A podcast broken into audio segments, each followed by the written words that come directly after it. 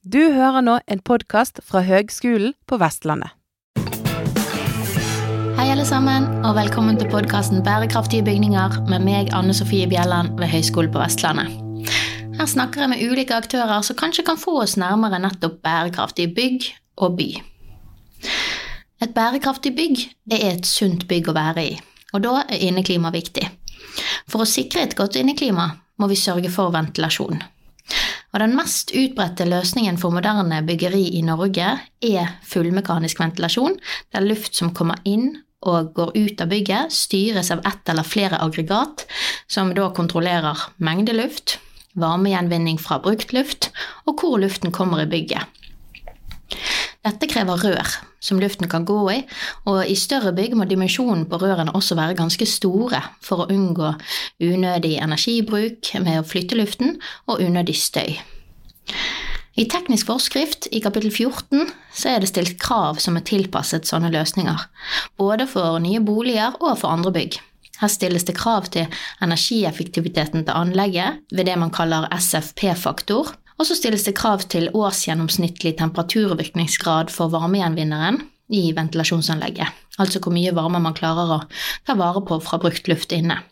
Videre, hvis vi ser i kapittel 13 i teknisk forskrift, så stilles det krav til inneklima og helse, og der stilles det krav til bl.a. luftmengder.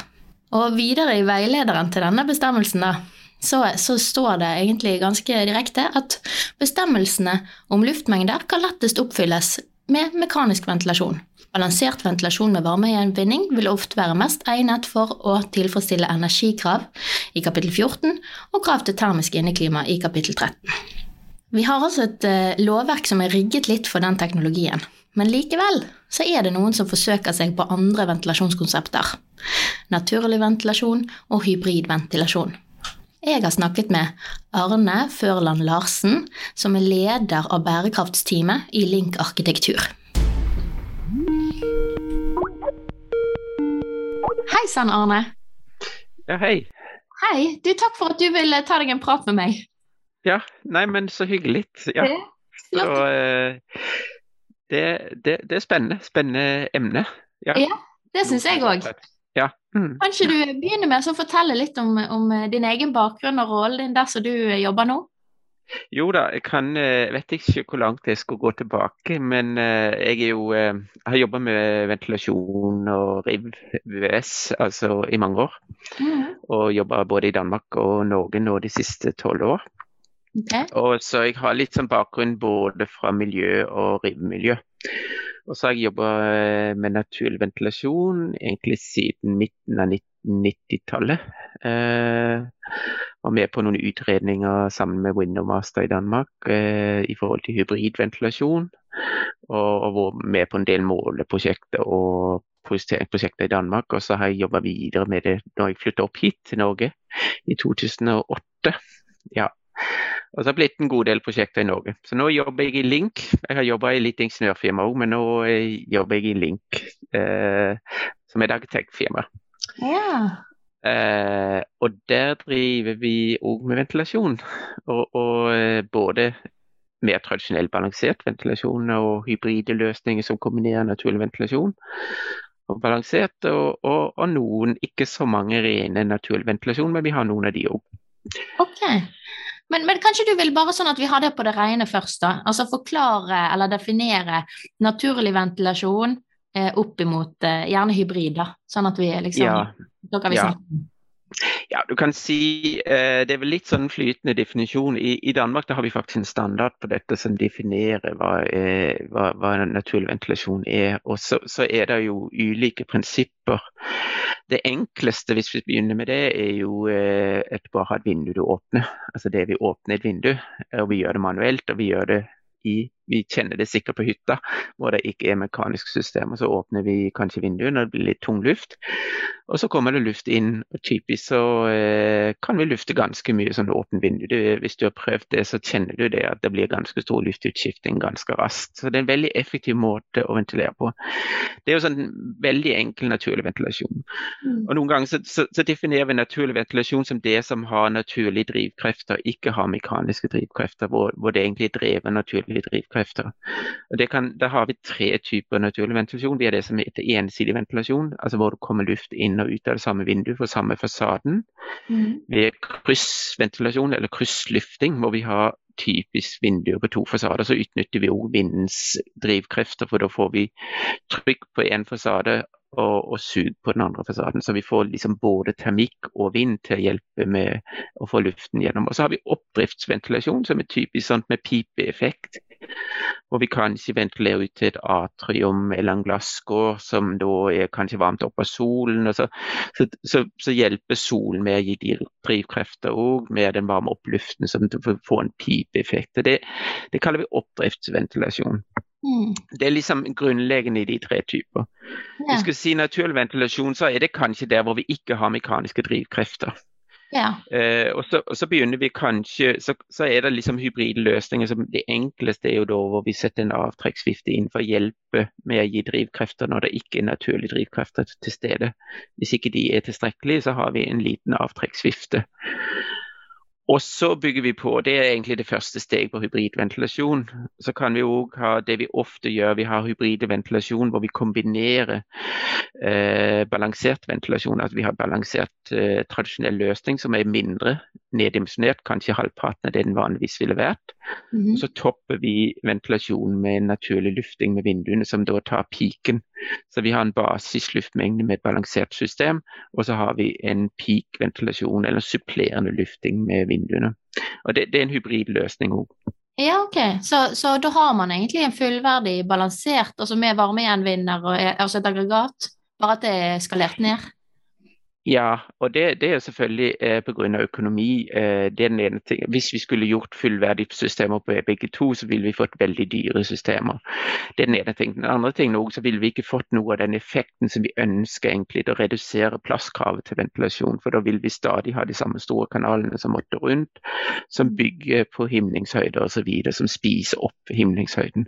Så da kan vi skalere ned, og så kan vi bruke eh, For typisk så er den store luftmengden den trenger vi på sommeren og, og, og, og kortvarig. Altså, vi trenger luftepause. Vi trenger kontinuerlig alltid store luftmengder.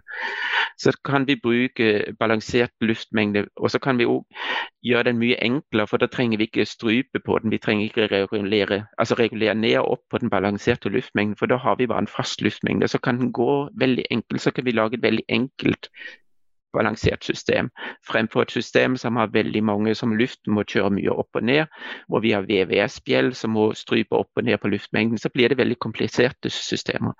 Hvis vi har et basissystem, så kan vi tillate oss å la det gå hele tiden og bare kjøre av på på det.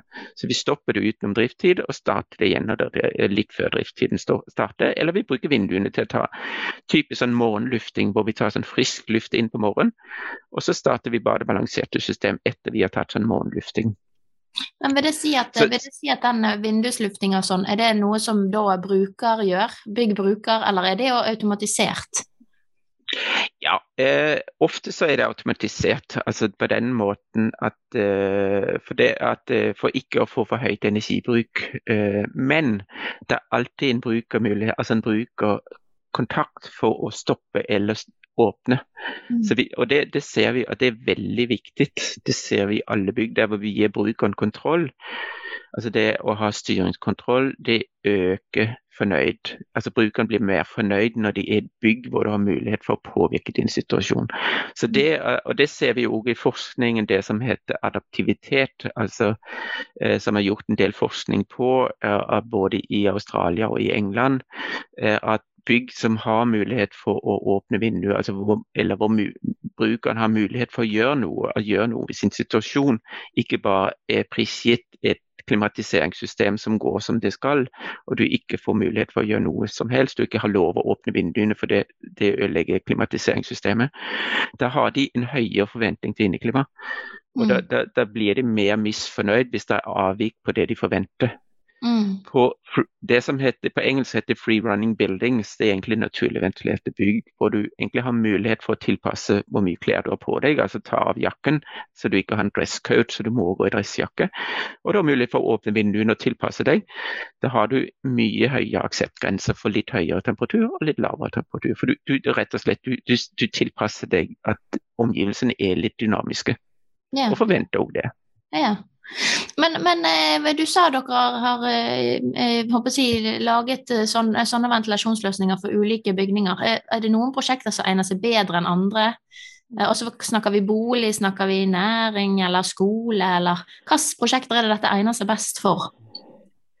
Nei, eh, si det. Ja. Eh, det som eh, altså, jeg tror egentlig boliger og kontor, eh, altså hvis du sier næringsbygg, eh, store det, Akkurat klasserommet er det som faktisk Et klasserom er faktisk det som er vanskeligst å ventilere. Hvis du skal gjøre det helt naturlig. Og Det henger sammen med at da har du en veldig tett personbelastning. Det samme med møterom i et kontorbygg er vanskelig òg, for da har du en relativt tett eh, eh, eh personbelastning. Mm. Og personene trenger en viss luftmengde for at, du, at, luften er frisk og har en viss kvalitet. Vanligvis i standardene i Tekken så sier vi 26 kubikk per person som preakseptert løsning.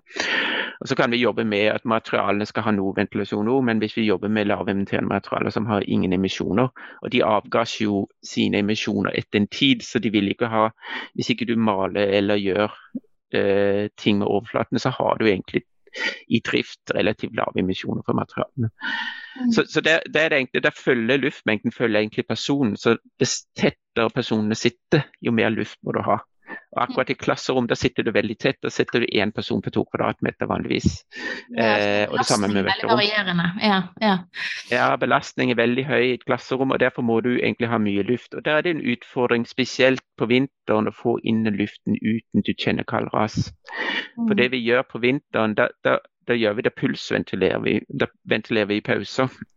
Mm. Men hvis du har en veldig tett møblering og du har veldig stort krav til luftutskifting, så må du ha relativt eh, tett frekvens av luftepauser. Mm. Det, altså, så må du lufte kanskje hvert 20 minutt. Eh, hvis du er i et kontor, så kan du kanskje lufte en gang hver en og en halv time eller noe sånt. Hvis du setter én person per 10 kvadratmeter, så trenger du ikke lufte hvert 20 minutt, så kan du strekke det til to timer. Du, og Da er det mye enklere å få til en naturlig ventilasjon, for da har du fire-fem luftepauser i løpet av dagen. Og de trenger ikke ta mer enn fem minutter. Og så kan du egentlig tilrettelegge jobben etter det, for så vidt. Mm. Eh, og Det er utfordring med vinteren hvor du må ta kald luft inn, for da vil du føle kald ras når du får luften inn. Ja. Men hvilke eh, prosjekter, eh, det... ja, hvilke prosjekter er det dere Hvilke prosjekter Nei, men vi gjør ja. ja. vi gjør alle prosjekter. Så vi har jo eh, vi har skoleprosjekter, vi har boligprosjekter, vi har kontorprosjekter. Men da snakker vi hybridløsninger. Ja, så du har en eh, teknikk, ja. Mm. Eller så har vi Vi har jo prosjekt nå vi jobber med på, på Arkitektskolen i Bergen. Hvor vi mm. jobber med. Det har jo et eksisterende naturlig ventilasjonssystem. Og da har vi sånn en, en, en eh, da, da, da, da forvarmer vi luften ut i fasaden for å løse det problemet med altså den basis, det, det som alltid er utfordringen, Hvordan får vi til basisluftmengden på vinteren når det er kaldt uten, uten det blir kaldras? Alle kjenner den og sitter ved et kaldt vindu når det er minus fem ute. Det er ikke noe det er ingen som liker det, for da, da får du diskomfort. Det, det, er ikke komfort. Så derfor må vi, Det er egentlig den store utfordringen. Hvordan løser vi det? Ja. Og Det er egentlig basisluftmengden vi må løse gjennom hvordan får vi basisluften inn uten noen fryse. Det, det er et problem som alltid må løses innen naturlig ventilert eller hybridventilert. Og Derfor ender vi ofte med noe som ligner på en hybridløsning. Det vi gjør på Arkitektskolen i Bergen, da har vi funnet et produkt i Danmark som er sånne ventiler som sitter i ytterveggen, som eh, kan forvarme luften. Og Så varmer vi luften opp inn, før den kommer inn. Og så får vi en fortrengningsløsning, litt som vanlig fortrengningsventilasjon, hvor vi egentlig blåser luften inn med 19 grader, varmer den opp til 18-19 grader. Og så har vi et avtrekkssystem, så bruker vi bygget som kanal. Så mm. trekker vi av i de eksisterende avtrekkskanaler, og så har vi en avtrekksvifte som står oppe i toppen av arkitektskolen, som har en avtrekksvarmepumpe som gjenvinner energien fra avtrykksluften, Og så tar den den energien tilbake til det oppvarmingssystemet som sitter nede i klasserommet til forvarming av luften. Okay, så på den måten får vi både gjenvinning, og så løser vi egentlig det med kaldrasproblematikken på, på vinteren. Hvor det er kaldt ute, hvor vi ikke kan ta inn luft rundt null grader. For det er ikke noe hyggelig å sitte i disse luftmengdene når det er kaldt ute. Så det må vi løse. Mm. Men da, hvis jeg skal bare summere opp litt, altså En av hovedgevinstene det er jo å redusere disse her kanalføringene og egentlig volumet til ventilasjonssystemet. Ja. Eh, her, her, på Kronstad, ja. eksempel, på, på campus Kronstad på høyskole, så har vi vel jeg tror 25% av volumet er ventilasjon. Ja. Ja. Det er jo helt vanvittig mye. Men det er jo en kjempemotivasjon. Men så, men så har jeg noen spørsmål, fordi at eh, bl.a. i teknisk forskrift så er de jo opptatt av at eh, man kan hente inn eh, luft direkte utenfra eh, i, i, naturlig ventilasjonssammenheng, gitt at luftkvaliteten ute er god nok. Eh, og ja. da lurer jeg på f.eks. For, for Bas eller Bergen generelt, Bergen sentrum. Eh, hvordan gjør dere de vurderingene, og kan man da få inn noe filter også her? Ja, altså det, det, vi har jo på, øh, på, de, på BAS, da har vi system. Da har vi sånn F5-filter i det inntaket. Dvs. Si vi tar pollen. Ja, okay. Vi fanger opp pollen akkurat det. Så det er fordelen med det systemet. Du kan si uh, hvis du har ren, og Derfor ender vi ofte opp med hybride løsninger, for da løser vi en del av de utfordringene som er i rene naturlig ventilerte løsninger. Hvis du har rene naturlig ventilerte løsninger, det har vi gjort på noen skoler i Lavik. Uh, da, da, må du sikre deg at du ligger, den skolen er plassert i et område som har eh, god luftkvalitet. Og du, mm. du, du, det, det, er rett og slett en vurdering. Og du kan innhente eh, luftkvalitetsmålinger for å sjekke ut det. Så det må du sjekke ut. En annen ting du må sjekke ut er støy at du faktisk har mulighet for å åpne vinduer uten det gir støyproblemer. Mm. Men hvis du har løst det, så, så, er, jo, så er, det jo for så vidt eh, så er det greit. Du, si. du, kan si NOx eller andre eh, sånne ting blir jo ikke tatt i et filter heller. Det er, jo, det er jo støv som blir tatt i et mekanisk ventilasjon i filter, men, men akkurat den eh, andre stoffer som er mer gassbårne, de blir jo ikke tatt i et filter. Da må du ha aktive filtre. Og det har det vanligvis ikke på balanserte systemer heller. Mm. Så da er det jo noe litt den samme problematikk å plassere og vurdere hvor sitter luftinntaket. Og luftinntaket er jo da hele fasaden i et naturventilert system. Og så må du vurdere om, om, Du kan ikke plassere det ut til en parkeringsplass hvor det står biler og kjører biler hele tiden. Så, så, skal, du, så skal, du, ikke gjøre det. Men det å vurdere, altså på samme måten som du vurderer et luftinntak på et uh, balansert system, så må du vurdere et luftinntak på et naturventilasjonssystem på samme måten. Mm. Men, ja. men ett spørsmål til, og det er jo en annen sånn parameter for ventilasjon. Det er jo dette med luftfuktighet. Ja. Hvordan eh, kommer den inn i bildet, da? Ja, egentlig så, så blir den jo ikke så mye forskjellig. For du kan si om du tar eh, Altså, det, det, den, det, den, avhenger jo av det vanninnholdet som er i, uh, i uteluften. Og jo, det, går jo opp og ned, men, men, egentlig så varierer vanninnholdet ikke så mye over året. Men, men det som varierer, er jo selvfølgelig temperaturen, og så, så varierer den relative fuktigheten. Så når vi varmer luften opp, uh, så, så, blir den mer tørr. Så får den tørre eller lavere relativ fuktighet. Og, vi, uh, og du kan si på sommeren da har vi litt høyere vanninnhold ute, og, og vi skal varme mindre opp. Uh, og så da, da, vil vi få en uh, Da har vi vanligvis ikke problemer med, med for lav fuktighet. Og, og, og vanligvis ikke heller i, med de ventilerte luftmengder vi har, men for høy fuktighet. Ikke, ikke i kontorer og sånn næringsbygg. I boliger er det noe vi må adressere. Men det som er utfordringen, er jo selvfølgelig tørr luft på vinteren. Vanligvis er det det, i hvert fall i, i østlandsklima. Jeg tror det er litt i Bergen, så kanskje ikke like ille i Bergen. Men, men uansett, du har, en, du har, litt tørr luft av og til. Mm. Og, og, det blir egentlig den samme. Altså, noen tror at hvis du har naturlig ventilasjon, så får du eh, god fuktig luft inn. Og det er jo for så vidt sant nok, men den blir varmt opp. Og når den blir varmt opp, så, så detter den relative fuktigheten ned, uansett om det går gjennom et balansert system eller går gjennom et naturlig system. Det er det samme. Så egentlig så er naturlig ventilasjon er for så vidt ikke bedre på å holde fuktighet oppe på vinteren enn et balansert system. Men det som ofte skjer i balanserte systemer, vi ventilerer for mye. Det er egentlig, jeg tror mer det er der problemet med lav fuktighet ligger. Det er egentlig at Hvis vi prøver å strype mer på luftmengden, det har vi sett vi har gjort simuleringer på det, så kan vi i østlandsklima få fuktigheten opp fra 10 20 på vinteren i stedet for å ha 10% full relativ fuktighet, som vi ofte har. Vi faktisk måler så relativt veldig veldig tørr luft. Mm. Så kan vi øke den opp mot 20 eh, ved å, å, kjøre litt mer hardt, eh, strype og ikke ha mer luft enn det vi akkurat trenger. Mm. Mm. Og Det har vi selvfølgelig mulighet hvis vi har den basisluftmengden i, uh, i et hybridsystem, så vil den gi kun det som trengs for å som vil gi en, en fuktighet kanskje rundt 20% Men hvis vi, hvis vi, kjører større luftmengder, så vil vi få en tørre luft. Jeg vet ikke om det var det du tenkte på når du Jo da, jo, det var jo egentlig det. Men, Ja. men hvorfor, det, det vil si da at eh, altså, full, full, fullverdig naturlig ventilerte systemer, eller naturlig ventilasjon, det er det ikke så mye av.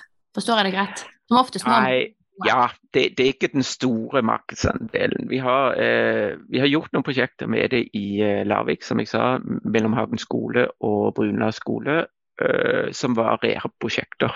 mm, Eh, vi var ikke med, men jeg har målt en del på Steinerskolen i Moss, som er naturlig ventilert ung. mm, Og eh, det er en østerriksk arkitekt som har tegna den. Og det bygget funker faktisk med naturventilasjon. Men, men det gir, eh, de har relativ eh, De sitter ikke like tett i klasserommene, det er én ting. Og så, eh, og så har de altså, Det som er så, Og, og inneklimaet er vi har målt, og det er greit. Det, det er faktisk akkurat i pulssituasjonen når du skal lufte, så, får du, så kan du ha litt høye hastigheter og, og vil føle kaldere. Så det, det, gir, det gir noen krav til rytmen i rommet, altså spesielt når du har sånn et eh, klasserom hvor du har veldig høy personbelastning, så gir det bindinger og krav til hvordan du tilrettelegger rytmen i undervisningen. Fordi at du må ha disse luftepausene. Og de er relativt kort frekvens når vi snakker full eh, naturlig ventilasjon.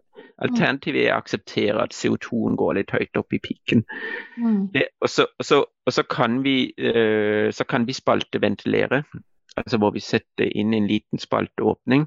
mm, Og så ha en radiator under. Hvis du har det, så, så får du til eh, at du får frekvensen ned på pulsene. For da kan du pulse i pausen, og så har du en liten spalteventilasjon. Men det er selvfølgelig mer følsomt eh, enn hvis du har Derfor så går vi kanskje mer for den ventilen i veggen eller noe annet, hvor vi har kontroll på vi får forvarme luften. Hvis vi gjør det i et vindu, og så skal det dette ned på en radiator og så varmes opp, så det er mer Det kan eh, Det er litt mer risiko, det er litt mer usikkerhet på det. Mm. jeg skjønner.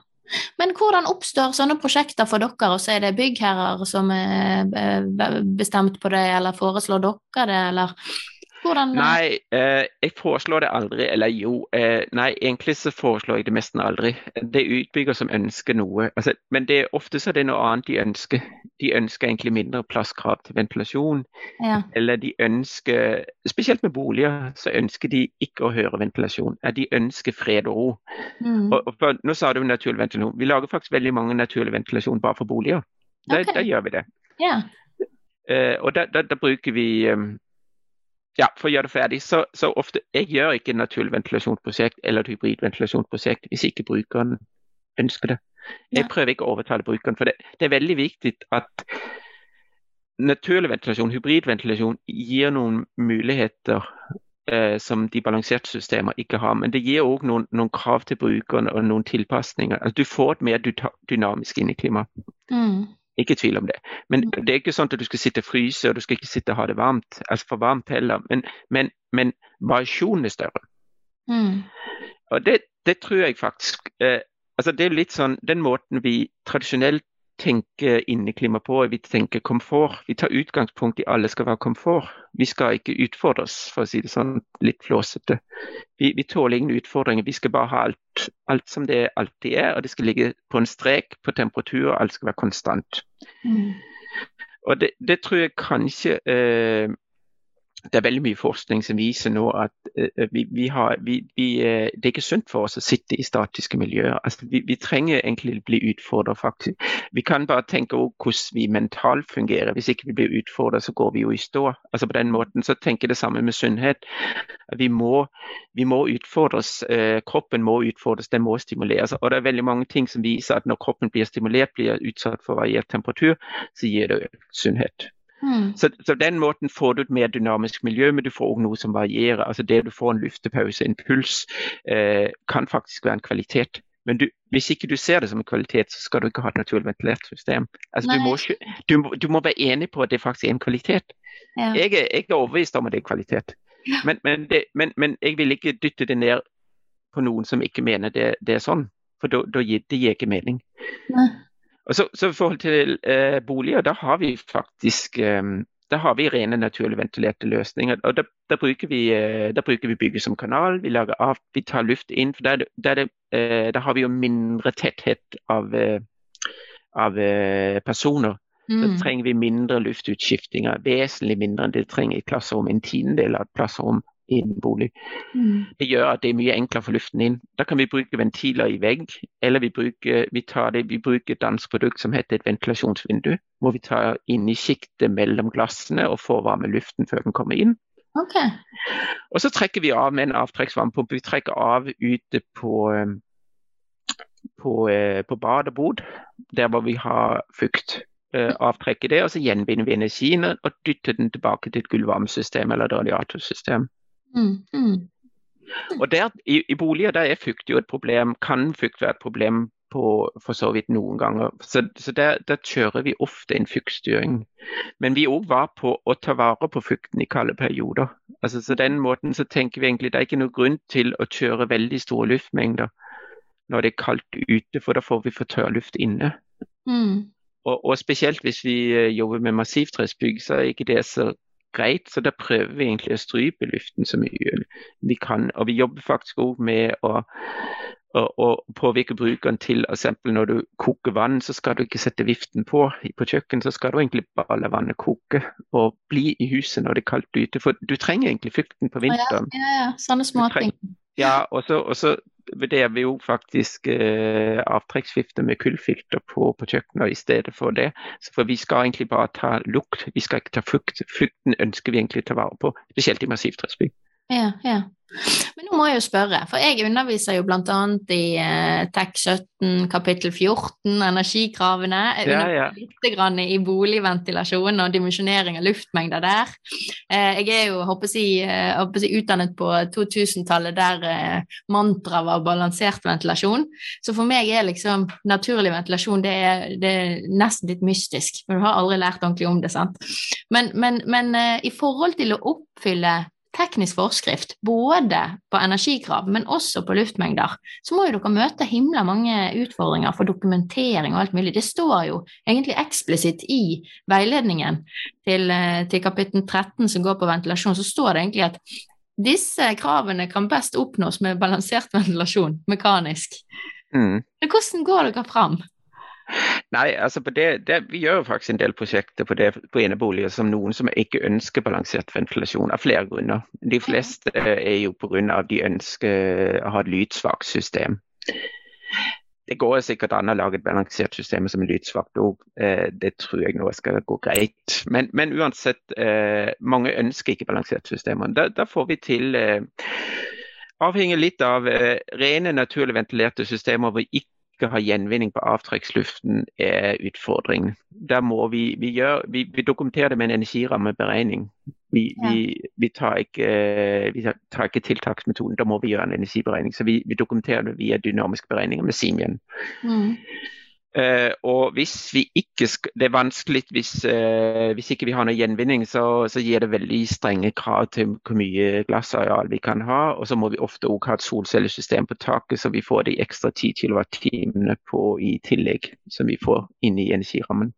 Mm. Men hvis vi bruker et avtrekkssystem med en avtrekksvarmepumpe, og, og, og, trekke av er i hvert fall en del av luftmengden. Vi prøver egentlig ikke å overdimensjonere. Vi prøver igjen fordi ofte så blir for store luftmengder det gir altså, vi, vi, jobber veldig mye med en basisventilasjon. Vi tenker basisventilasjon og peak. Basis skal være det mekaniske. Det, og den skal egentlig tilfredsstille det som skjer i 90 eller 95 av året. Vi skal ikke dimensjonere ventilasjonen for det som skjer 5 eller 10% av brukstiden. For der, der bruker vi vinduene. Hvis din bolig har behov for du har mange gjester, og sånn, så åpner du vinduene og lufter. Det som vi i en bolig dimensjonell ventilasjon for, er det som er den vanlige drift.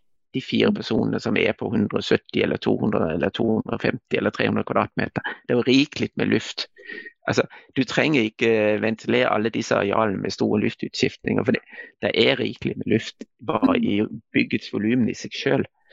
Men selvfølgelig må vi, vi klare vi, vi, vi, ønsker ikke å ha et avvik fra, fra tekken. Så da lager vi en energiberegning, og vi setter inn en avtrekksvarmepumpe som da øh, gjenvinner Avhengig litt, noen ganger kan vi, eh, er det tilstrekkelig å gjenvinne til tappevann. Så vi bruker til oppvarming tappevann. Og noen ganger, avhengig litt av hvis vi har mye glass, så må vi gjenvinne til oppvarming. Mm. Så, legge, og så, så er det veldig fint tilrettelagt. Sånn avtrekksvarmepumpe funker veldig fint sammen med et gulvvarmesystem, vannbåndsystem. Mm. Og så, så har vi bare vannbånd gulvvarme, eller vi, vi setter opp noen sentrale radiatorer som egentlig dekker oppvarmingsbehovet litt som en kjel, altså en liten ovn som står to-tre steder i huset hvor vi har en sentral oppvarmingskilde. Og så supplerer vi med små elpanelovner de siste stedene for å ta piken igjen. Vi tenker igjen veldig mye inn basissystem som klarer stort sett alt. Og så peak som klarer akkurat de der situasjonene. For da får vi alt da får vi, Når vi tenker sånn, så får vi at da får vi mye rimeligere systemer. For da dimensjonerer vi ikke alt opp til at alt skal kunne klare en peak. Vi sier alt skal kunne klare en basis. Og så må vi ha en en, en, funksjon eller en løsning for hvordan vi klarer disse spesielle situasjonene hvor vi har litt ekstra behov. Mm, mm. Og Det skal være en enkel måte å supplere med det. Ja. Men, men, hvordan opplever du holdning fra ulike aktører i, i bransjen og markedet? Altså, det norske markedet har jeg er jo veldig orientert mot nettopp eh, balansert ventilasjon, mekanisk standardaggregat. Eller? Jo, ja, absolutt. absolutt. Og, og jeg møter selvfølgelig eh, jeg, jeg, møter alltid eh, Varierer litt, men, men jeg syns egentlig mest jeg møter en motstand som gir en konstruktiv dialog. Hvor vi finner frem til en løsning. ja. Men jeg møter selvfølgelig òg eh, litt mindre konstruktive tilganger. Men, men generelt så møter jeg jo jeg synes jeg en faglig, eh, du kan si, eh, meningsutveksling. som, kan, som er bra generelt sett. men selvfølgelig kan gå litt til feil side òg. Men, men, generelt så liker jeg egentlig den meningsutvekslingen, og jeg syns den er fin. Mm. Eh, for å si det sånn, gikk litt mer innpå meg i starten, kan du si, men nå er jeg liksom eh, blitt så gammel at nå syns jeg egentlig det er helt greit. Det er så bra. Men, ja. men, eh, men, eh, hva syns du om, om eh, våre tekniske forskrifter? Altså, Jeg har litt inntrykk av at vi er litt ensporet sammenlignet med våre naboland. Kanskje? Jo da, du kan si, nå sa jeg jo I Danmark så har vi faktisk en standard for, som en ventilasjonsstandard som inkluderer muligheten for naturlig ventilasjon, og det er beskrevet. Mm. Eh, og, og, det er jo klart at hvis du ser Jeg gjorde noen eh, jeg gjorde en rapport for Grønn byggallianse eh, ja, fem år, seks år tilbake. og jeg, eh, Mange hadde vært ned og sett dette 22-26-bygget i Lustenau, som Baunslager Eveli har tegna et kontorbygg til seg selv. Hvor de skal ha det kontoret de skal sitte De sitter i det bygget. og det, det er kun naturlig ventilert. Og eh, det var jo eh, Avante oppe i Nydalen eh, ønsket jo å se på muligheten for å, å, lage tilsvarende bygg i Norge. Og Det er jo det som heter Skanska nå har, har prosjektert, holder på å prosjektere, har vel prosjektert ferdig sammen med Eriksen og Hågen. Har gjort et prosjekt på det, men det er vel Skanska mest som har stått for ventilasjonen. Og, men, men da, da, da, Nå tapte jeg tråden. Det var, det var... Hvilket bygg var det som Skanska hadde prosjektert eh, på? Ja, Det er det som het uh, Hva heter det oppi i uh, Det er et, kontorboligprosjekt som ligger oppe i Nydalen i Oslo. Ok. Ja. Men da så vi Da sjekka vi jo ut Ja, det var det med energi. Ja. Da, da så vi litt på energiberegningene. Ja. Eh, vi så på hvordan slår det ut altså, Vi analyserte det bygget eh, 22-26 i norsk kontekst. Vi satte norske klimadata. Vi analyserte det i Bergensklima, Stavanger-klima og i Oslo-klima. Så hvordan ville det sett ut hvis vi skulle bygd dette i Norge innenfor de norske byggeforskrifter? Og, og, og klart at akkurat naturlig ventilasjon eh, da gjorde vi en beregning som egentlig var etter NS 3031, med de standard standardsjablongverdiene som ligger i NS 3031 og metoden i 3031. Og så sammenligner vi med et uh, sånn helt tradisjonelt uh, balansert system med, med behovsstyring av ventilasjonsluftmengder osv., med VVE osv. fyllpakke. Og så samler vi på veldig mange, mange parametere. Inneklima, kompleksitet, investeringskostnad osv. Men i forhold til energi da var det veldig stor sprik mellom naturlig ventilasjon og eh, det tradisjonelle systemet. I beregningene? Ja, i beregningene. Og Ja. det naturlige systemet eh, kunne ikke matche eh, det balanserte systemet.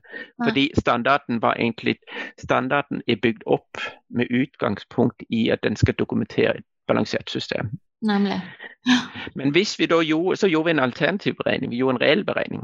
Hvor vi behovsstyrte eh, luftmengden opp på den naturlige ventilasjonen. Vi, vi slo av luftmengden på natten, for det er egentlig det som det, Vi ventilerer ikke med naturlig ventilasjon på natten. Vi gjør en morgenlufting i stedet. Så vi hadde en puls. Vi, hadde, vi la inn en puls, vi gjorde alt det lite ice, så vi kunne pulsventilere på ti minutter om morgenen. Så vi pulsventilerte ti minutter om morgenen i stedet for å ha natteventilasjon. Og så gjorde vi behovsstyring selvfølgelig av luftmengden, styrte det, og vi lagde en algoritme på det. Styrte det i DICE. Og så kom vi ned på at når du sammenligner energibruk, så lå de på samme nivå. Så Når vi gjorde en reell beregning, så lå de faktisk på samme nivå. Men når vi Mhm. gjorde en beregning etter NS-en, så var det en veldig stor sprik. Og Det er Mhm. selvfølgelig fordi NS-en, de som har lagt, den måten NS-en er lagt på, den er egentlig basert på at du har et balansert system. Så Ja. Derfor må du legge til rette, du må legge inn luftmengder på natten i beregningen. Ja. Men, men du har egentlig, i naturventilasjon har du ikke det. Og hvis du jobber med emisjoner for materialer, lavinfiserende materialer, så har du ikke noen grunn til å ventilere på natten. Da kan du bare skifte ut luften raskt på Mm. morgenen. Og det kan du gjøre i et naturlig ventilasjonssystem. Åpne vinduene. Du legger det inn i styringen, at du har morgenlufting. Som en Mm. algoritme, altså Det er en funksjon i styringsalgoritmen. Den Mm. har morgenlufting. Mm. Og så lufter den ut fem-ti minutter. Skifter alt luften inn, og så er det faktisk frist når du kommer. Ja. Og så, så, blir det, så blir det ikke sprik. Så ligger de på samme nivå. Og vi ser også det, eh, jeg har jobbet, Det første hybride systemet jeg gjorde, var jo Mesterfjellet skole i Larvik. og Den, eh, den har en basisluftmengde på ca. 60 av et vanlig balansert system, og så har de vinduslufting på toppen. Mm. Og De ligger jo på et energibruk rundt 60-70 kWt per kvadratmeter uten varmepumpe. Det er fra en biokjel, så det er rent netto energibruk de ligger på. Så det, det, og det er ikke noe sånn spesielt, det er et lavt energibruk. Det er ikke passivhusstandard på, på klimaskiller og sånt, og, og vanlig balansert system. Og de drifter det faktisk stort sett kun med naturlig ventilasjon. Ja. Så du klarer, og det, det er langt under det, hvis jeg regner det i NS-en, så kommer jeg ikke ned dit. Mm. Jeg ser reelt så får jeg lavere energibruk, eh, og de, og de er fornøyd med inneklimaet der. ja. Fantastisk, da. Men ja, hvordan tror du at utviklingen kommer til å gå innenfor ventilasjon i bygda fremover? Altså, det høres jo ut som vi egentlig eh, Det finnes flere løsninger enn de vi belager oss på i dag, i, i både standarder og regelverk. Ja, eh, et, jeg har vel ikke sett den store sånn brede utviklingen ennå, for å si det sånn. Eh, ja. men eh, det vi jobber Vi jobber litt med noen andre løsninger òg, for å akkurat skrevet notat om det. Altså design for lav byggehøyde. Altså, det, det vi må eh, Hvor vi bruker noe som heter en tillufthimling.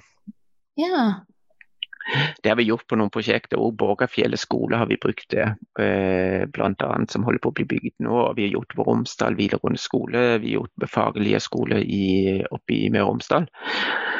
Og der, der jobber vi med, altså det, det som jeg ser jo er den store utfordringen, er hvordan får vi oppgradert de eksisterende bygg. Vi kan ikke holde på å bygge så mye nytt, vi må tenke mye mer rehabilitering i, i fremtiden. Mm. Og Derfor har vi lagd en liten veileder på hvordan øh, du skaper godt tidsvarende, fleksible bygg med godt inneklima med lav byggehøyde. Så har vi gjort en veileder på det. Så hvor ligger den, da? Nei, den ligger ikke Jeg kan sende den til deg. Det er et internt dokument, men du skal gjerne få den. Kan sende Ok, den men dere har kompetanse på saken i hvert fall. For det, dette med bygge, altså nei, etasjehøyde, det er jo et av de ofte avgjørende argumentene for å kjøre riving istedenfor å gjenbruke konstruksjon, sant. Så løser dere den, så eh, er det gull.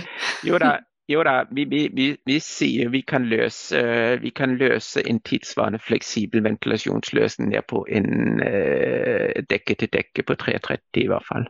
Mm.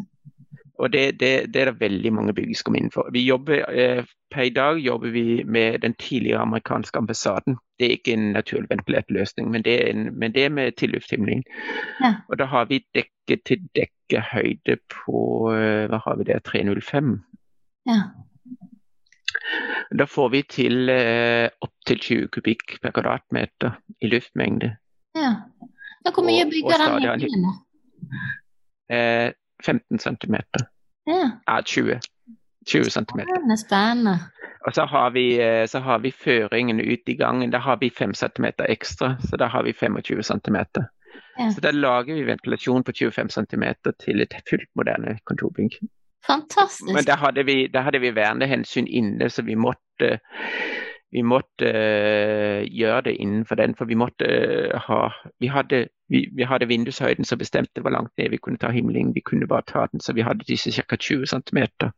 19 cm helt presist. Og så er det vel dekke på 15 cm. Det er plastdøpt, og så jeg tror det blir ca. Ja, 305 er det ca. dekke til dekke. ja. Men det, det, har vi en strategi for vi, lo, vi jobber med veldig mange loddrette føringer i stedet for horisontale føringer. For da, tar vi av presset på Når vi ikke har horisontale føringer på planene, så får vi mindre krav til eh, plass over himmelen. Ja. Det sammen med tilløpshimling gjør at vi kan presse ned kravet til høyder. ja. Spennende. altså. Dette her håper og tror jeg at vi kommer til å få høre mer om i, i fra dere eh, etter hvert som dere har eh, gode eksempler og sånn å vise til. Altså, Ja, ja, det skal, det skal du få. Ja. Men helt på tampen, nå har vi pratet så lenge, Arne. Helt på tampen, Har du noen gode tips til de som skal ut og bidra i fremtidens byggebransje? Ja. Eh, jeg tror de er nysgjerrige. De skal være nysgjerrige. Og de skal eh, nysgjerrig på alt, nysgjerrig på nytt hele tiden, og ikke tape den nysgjerrigheten. Så den skal de holde tak i. Mm. Og så skal de våge, eh, så skal de våge å utfordre òg etablerte meninger. Mhm. De skal våge, ikke det du skal være provoserende, men du, du, jeg synes det er greit å stille spørsmål og spørre kunne vi, har vi vurdert, kunne vi gjort det på en annen måte, eller er det den eneste måten å gjøre det på? Fins det ikke andre veier til målet? Og så tenker jeg, Det siste òg som jeg har brukt mye, det er lytte til de som gjør jobben, faktisk. De som er håndverkerne utenfor plassen. De har veldig mye kunnskap. Mm. Å gå til de og bruke de, eh, det er jo både entreprenører og alt. eh, Og selvfølgelig være kritisk, men likevel òg høre. altså Den kritiske, gode dialogen med de som faktisk gjør jobben, eh, tror jeg er veldig viktig òg. For det, det, det er du lærer. Eh, når vi kommer ut av sånn litt, mer, sånn litt mer eller mindre akademiske miljøer, så har vi kanskje noen ganger noen teoretisk tilgang.